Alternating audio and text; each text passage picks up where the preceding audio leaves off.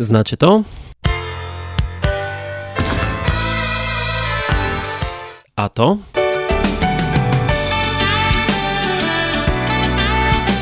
No właśnie, spotkanie z legendą to zawsze duże przeżycie. Tym razem dzięki tak zwanemu spotkaniu z ciekawym człowiekiem w Zduńskowolskim Ratuszu miałem okazję porozmawiać z kimś, kto przez lata otwierał nam uszy na muzykę z zachodu, kto zabierał w odległe miejsca i tworzył na antenie radiowej niesamowity klimat. Zostańcie z nami, bo warto.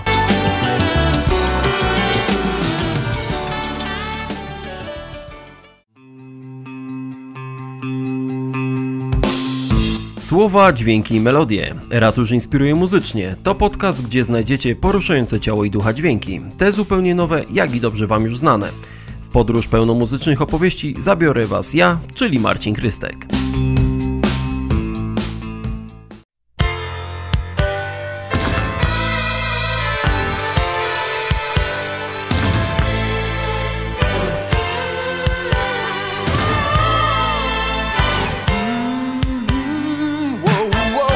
Nie spotykamy się po raz pierwszy, ale stres u mnie jest bardzo duży. To jest kolejne spotkanie w ramach podcastu Ratusz Inspiruje Muzycznie. I tym razem mamy gościa wyjątkowego. Przede mną oczywiście legenda radia, twórca najpopularniejszej kiedyś e, listy przebojów oraz też e, innych audycji. Głos. Marek Niedźwiecki. Dzień dobry, witam. E, to był długi dzień, prawda? Tak, to wygląda na to, że ja myślałem, że już jak się jest na emeryturze, to już jest spokojniej, człowiek żyje tak, no nie wiem, z dnia na dzień, od chwili do chwili, a tutaj w czwartek audycja, w piątek audycja, zastępstwo za kolegę, w sobotę audycja, a potem siadam w szybki samochód i y, do szatku, a potem do Zduńskiej Woli. Tak, to był długi dzień. Gdzie parzą najlepszą kawę?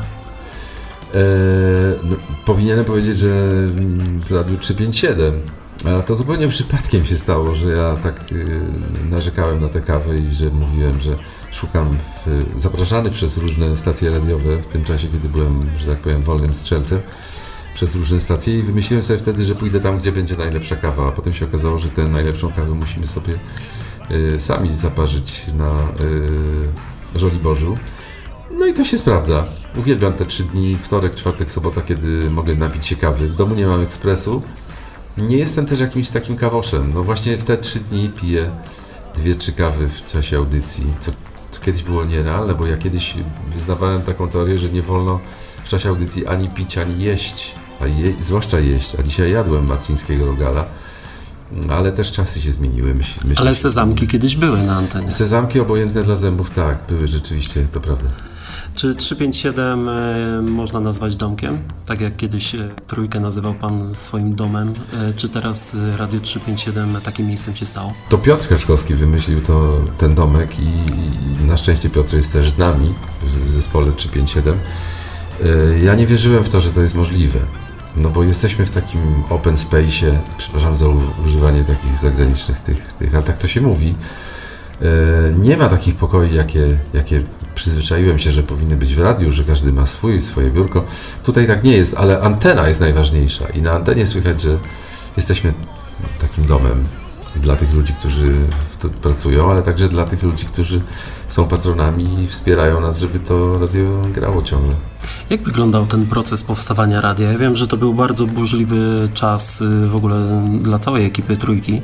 Mm, szybko zapadła ta decyzja o powołaniu nowego e, tworu. Ja w tym nie uczestniczyłem, od razu powiem. To znaczy ja dostałem taką propozycję, żeby wstąpić do tego zespołu, żeby wejść na pokład i nie wahałem się dlatego, że znam ten zespół, znam tych wszystkich ludzi i wiem, że to są ludzie, którzy są przede wszystkim pasjonatami tego, co robią, a nie, że to jest ich zawód że może tu są jakieś pieniądze do zarobienia. To nic z tych rzeczy. To jest tylko pasja i, e, i zespół jest świetny, więc nie wahałem się ani chwili, żeby dołączyć do, do tego zespołu. Ale nie brałem w tym udziału. Wiem, że 5 października e, zaczęła się zbiórka. E, wiem, że 5 stycznia wystartowaliśmy. Wiem, że też przed, przed świętami E, czy to na 1 listopada, czy na święta robiłem jakieś specjalne audycje z wypożyczonych studiów, bo przecież nie mieliśmy tego jeszcze. A potem nagle okazało się, że jest takie miejsce mm, na Żoliborzu i myśmy to miejsce wybrali na tę, na, na, na tę swoją siedzibę. I jest fajnie, naprawdę jest fajnie. Rok za chwilę minie i jesteśmy ze sobą, wszyscy się lubią i jest ok. Jesteśmy tuż po spotkaniu e, takim autorskim, połączonym z wystawą tutaj w Centrum e, Kultury e, Ratusz. Jeden z, z widzów e, trochę uprzedził moje pytanie, ale ja sobie pozwolę je jeszcze raz zadać. Troszeczkę jakby inaczej, bo e, kiedyś rozmawialiśmy i pytałem o czym jest magia radia. Czy ta magia radia w tym radiu internetowym nadal istnieje? Myślę, że tak, bo magia jest w tym, co ro ludzie robią, co grają, co mówią, jak to wszystko wygląda. Myślę, że to jest cały czas zespół ludzi, którzy akceptują siebie i akceptują, cieszą się z słuchaczy. I to słychać na antenie, a chyba nawet jeszcze bardziej słychać niż było słychać wcześniej, że, że jest taka wolność, taka e, lekkość bytu, taka swoboda wypowiedzi i no i że, że, że to zostało zaakceptowane, bo tego też mogliśmy się obawiać. Nie wiadomo, czy ludzie, zwłaszcza ludzie, którzy wychowali się na tamtej stacji, yy, dadzą się namówić na taki trochę skok na główkę, no bo to jest jednak yy, radio internetowe. Trzeba mieć te wszystkie przyrządy. Całą trzeba, aparaturę. Tak, trzeba to, to, to mieć chęć, żeby to, do tego dotrzeć. To nie jest tak, że robisz pstryk i radio ci gra. Wprawdzie w internecie tak jest, bo ja tak słucham cały czas, że słucham ze strony Radio 357 i nigdy mi to nie odmawiało posłuszeństwa, więc myślę, że to jest do zrobienia, nawet dla takich starszych ludzi. Ja myślę, że dla y, słuchaczy wychowanych na trójce szokiem mogą być y, niektóre wejścia Michała Gąsiorowskiego czy, czy y, Piotra Stelmacha, kiedy robią sobie żarty. Y, no, to jest, to jest fajne, to jest coś nowego. Przejdźmy do inspiracji, bo taki jest motyw przewodni tego podcastu. Co Pana inspiruje? Jakie utwory e, czy albumy są takimi, nie wiem, kluczowymi, takie, które wywarły wpływ na Pana życie, czy, czy, czy e, są taką muzyką, którą zawsze o każdej porze jest Pan w stanie włączyć i słuchać tego? Lata 70., czyli wtedy, kiedy ja byłem młody. Pewnie to na tym polega, że ci, którzy są trochę starsi ode mnie, powiedzą, że to lata 60. są te najważniejsze.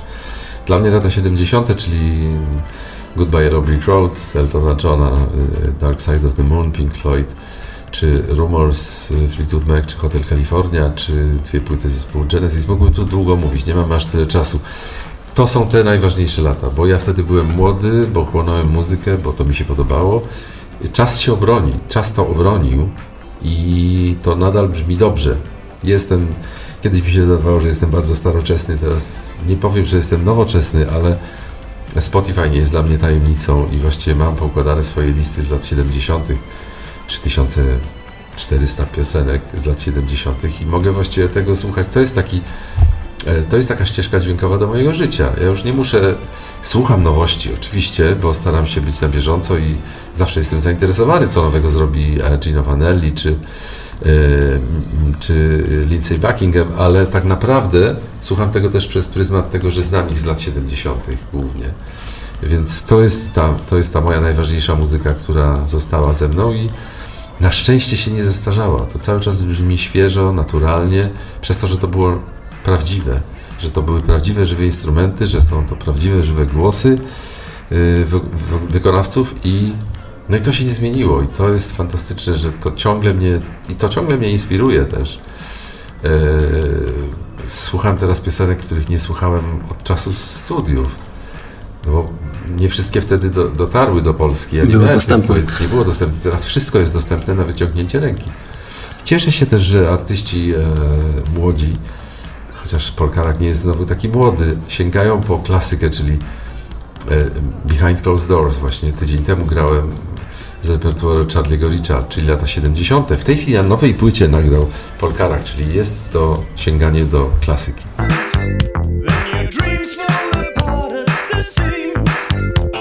Zajrzyjmy troszeczkę tak do zakamarków. Sałatka włoska, francuska czy Radio Kalifornia? Które, które z tych trzech jakby, e, nawet ciężko jest określić, ale, ale który z tych nurtów jest najbliższy sercu? Wiesz co, to są takie furtki, czy też yy, szuflady, które wymyśliłem sobie, dlatego że przyszło mi robić długą audycję. Na początku ona miała 5 godzin, więc tak sobie poszeregowałem, że tu były polskie nowości, tu były nowości ze świata, tu było Radio Kalifornia, bo to Radio Kalifornia jest mi najbliższe, to są te głównie lata 70. i muzyka amerykańska. Sałatka polsko-francuska przyszła później, zdecydowanie, bo jakoś tak włoskie i francuskie rzeczy wydawały mi się nie znałem ich po prostu. Teraz staram się poznawać tak samo jak i muzykę e, angloamerykańską i sprawia mi to z wielką satysfakcją, że ludzie zauważają to, że nawet młodzi, młodsi zdecydowanie ludzie chętnie sięgają po piosenki z Francji, z Belgii, e, z Holandii, czy też właśnie z Hiszpanii albo z Włoch. No to to jest ta sałatka, tak umownie nazywana. Ale jednak Radio Kalifornia chyba najbardziej, bo to jest America, to jest Eagles, to jest Andrew Gold, no długo, długo można... Stevie Nicks. Stevie Nicks. W tym roku obchodzimy 30-lecie y, wydania do takich płyt epokowych, y, przełomowych. Co takiego było wyjątkowego w roku 91? Nie wiem. Znaczy ja to zauważyłem chyba nawet wcześniej niż koledzy, że ten 91 był taki wyjątkowy. Ciągle zresztą o tym mówiłem i podkreślałem to, bo jak sobie przejrzysz tych najważniejszych artystów na świecie, to nagle się okaże, że oni wydali w 1991 roku swoje najlepsze płyty. I to nie tylko te typu U2, Nirvana czy Guns N' Roses, ale także Kenny Loggins na przykład też wydał swoją jedną z najlepszych płyt Leap of Faith właśnie w 1991 roku i ciągle y, sięgając po te płyty dowiaduje się, że to właśnie ten 91, nie wiem, może to był początek ostatniej dekady XX wieku, może to było y, takie odbicie się od lat 80., które były moim zdaniem, przepraszam, dosyć słabe, takie dosyć plastikowe. Może artyści chcieli w ten sposób jakoś zamanifestować to, uwaga, jesteśmy tutaj z nową ofertą. No i ten 91 jest reprezentowany fantastycznie.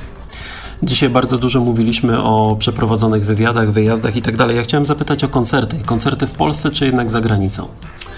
Jednak za granicą, dlatego że y, w tamtych czasach, bo ja mówię ciągle o tych latach powiedzmy 80. czy 90., zagraniczne koncerty były lepiej, lepiej zorganizowane, były lepiej nagłośnione. Sale y, wypełniali ludzie, którzy chcieli przyjść na ten koncert, a nie tak jak u nas bywało czasami, że to był taki spęd przypadkowych ludzi. Mhm. Chociaż muszę powiedzieć, że właśnie w tym 91 roku Monsters of Rock, czyli E, Queensryche, Metallica i ACDC w Chorzowie. To był koncert, który będę pamiętał też pewnie do końca życia. Czy też Brian Adams w e, Spotku, czy też e, Elton John, czy Lionel Richie i Whitney Houston na festiwalu w Sopocie. To były bardzo dobre koncerty, ale lubiłem się wyrwać z Polski, żeby zobaczyć Eagles właśnie w Holandii, żeby zobaczyć Joe Cockera też w Holandii. No, najczęściej do Holandii, bo tam mam dobre kontakty i dobrych znajomych, więc to mi ułatwiało ale te koncerty pachniały dla mnie w przenośni i dosłownie światem.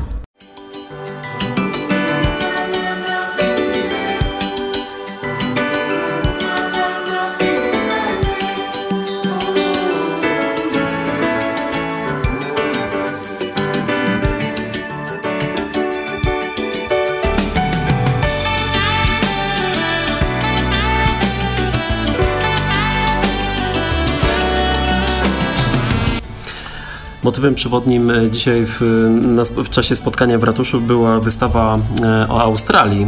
Wróci Pan jeszcze do Australii? Jest to możliwe? Serce tam zostało? Serce zostało i wspomnienia zostały i teraz dopiero się cieszę, że robiłem tak dużo zdjęć, bo tak mi się pytała moja koleżanka, przecież już takie masz zdjęcie, już takie robiłeś, a teraz się okazuje, że te inne ujęcia też są istotne i też są ważne i też chcę je wykorzystać. E, nie wiem, czy wrócę.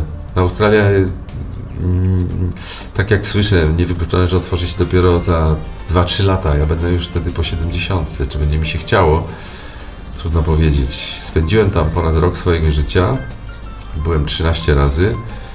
Mam właściwie tylko piękne wspomnienia, więc niech tak zostanie. Piszę bloga, więc mogę na tym blogu pokazywać zdjęcia też z archiwum, co robię teraz ostatnio częściej niż kiedyś, no bo teraz mniej jeżdżę, mniej latam ale to też jest ogromna przyjemność pokazać zdjęcia z, y, jeszcze robione takim aparatem tradycyjnym na klisze, bo one mają zupełnie inną temperaturę, inne kolory i słuchacze też zwracają na to uwagę. Jeszcze wracając do Radia 357, kto będzie przyszłością tego radia? Młodzi ludzie.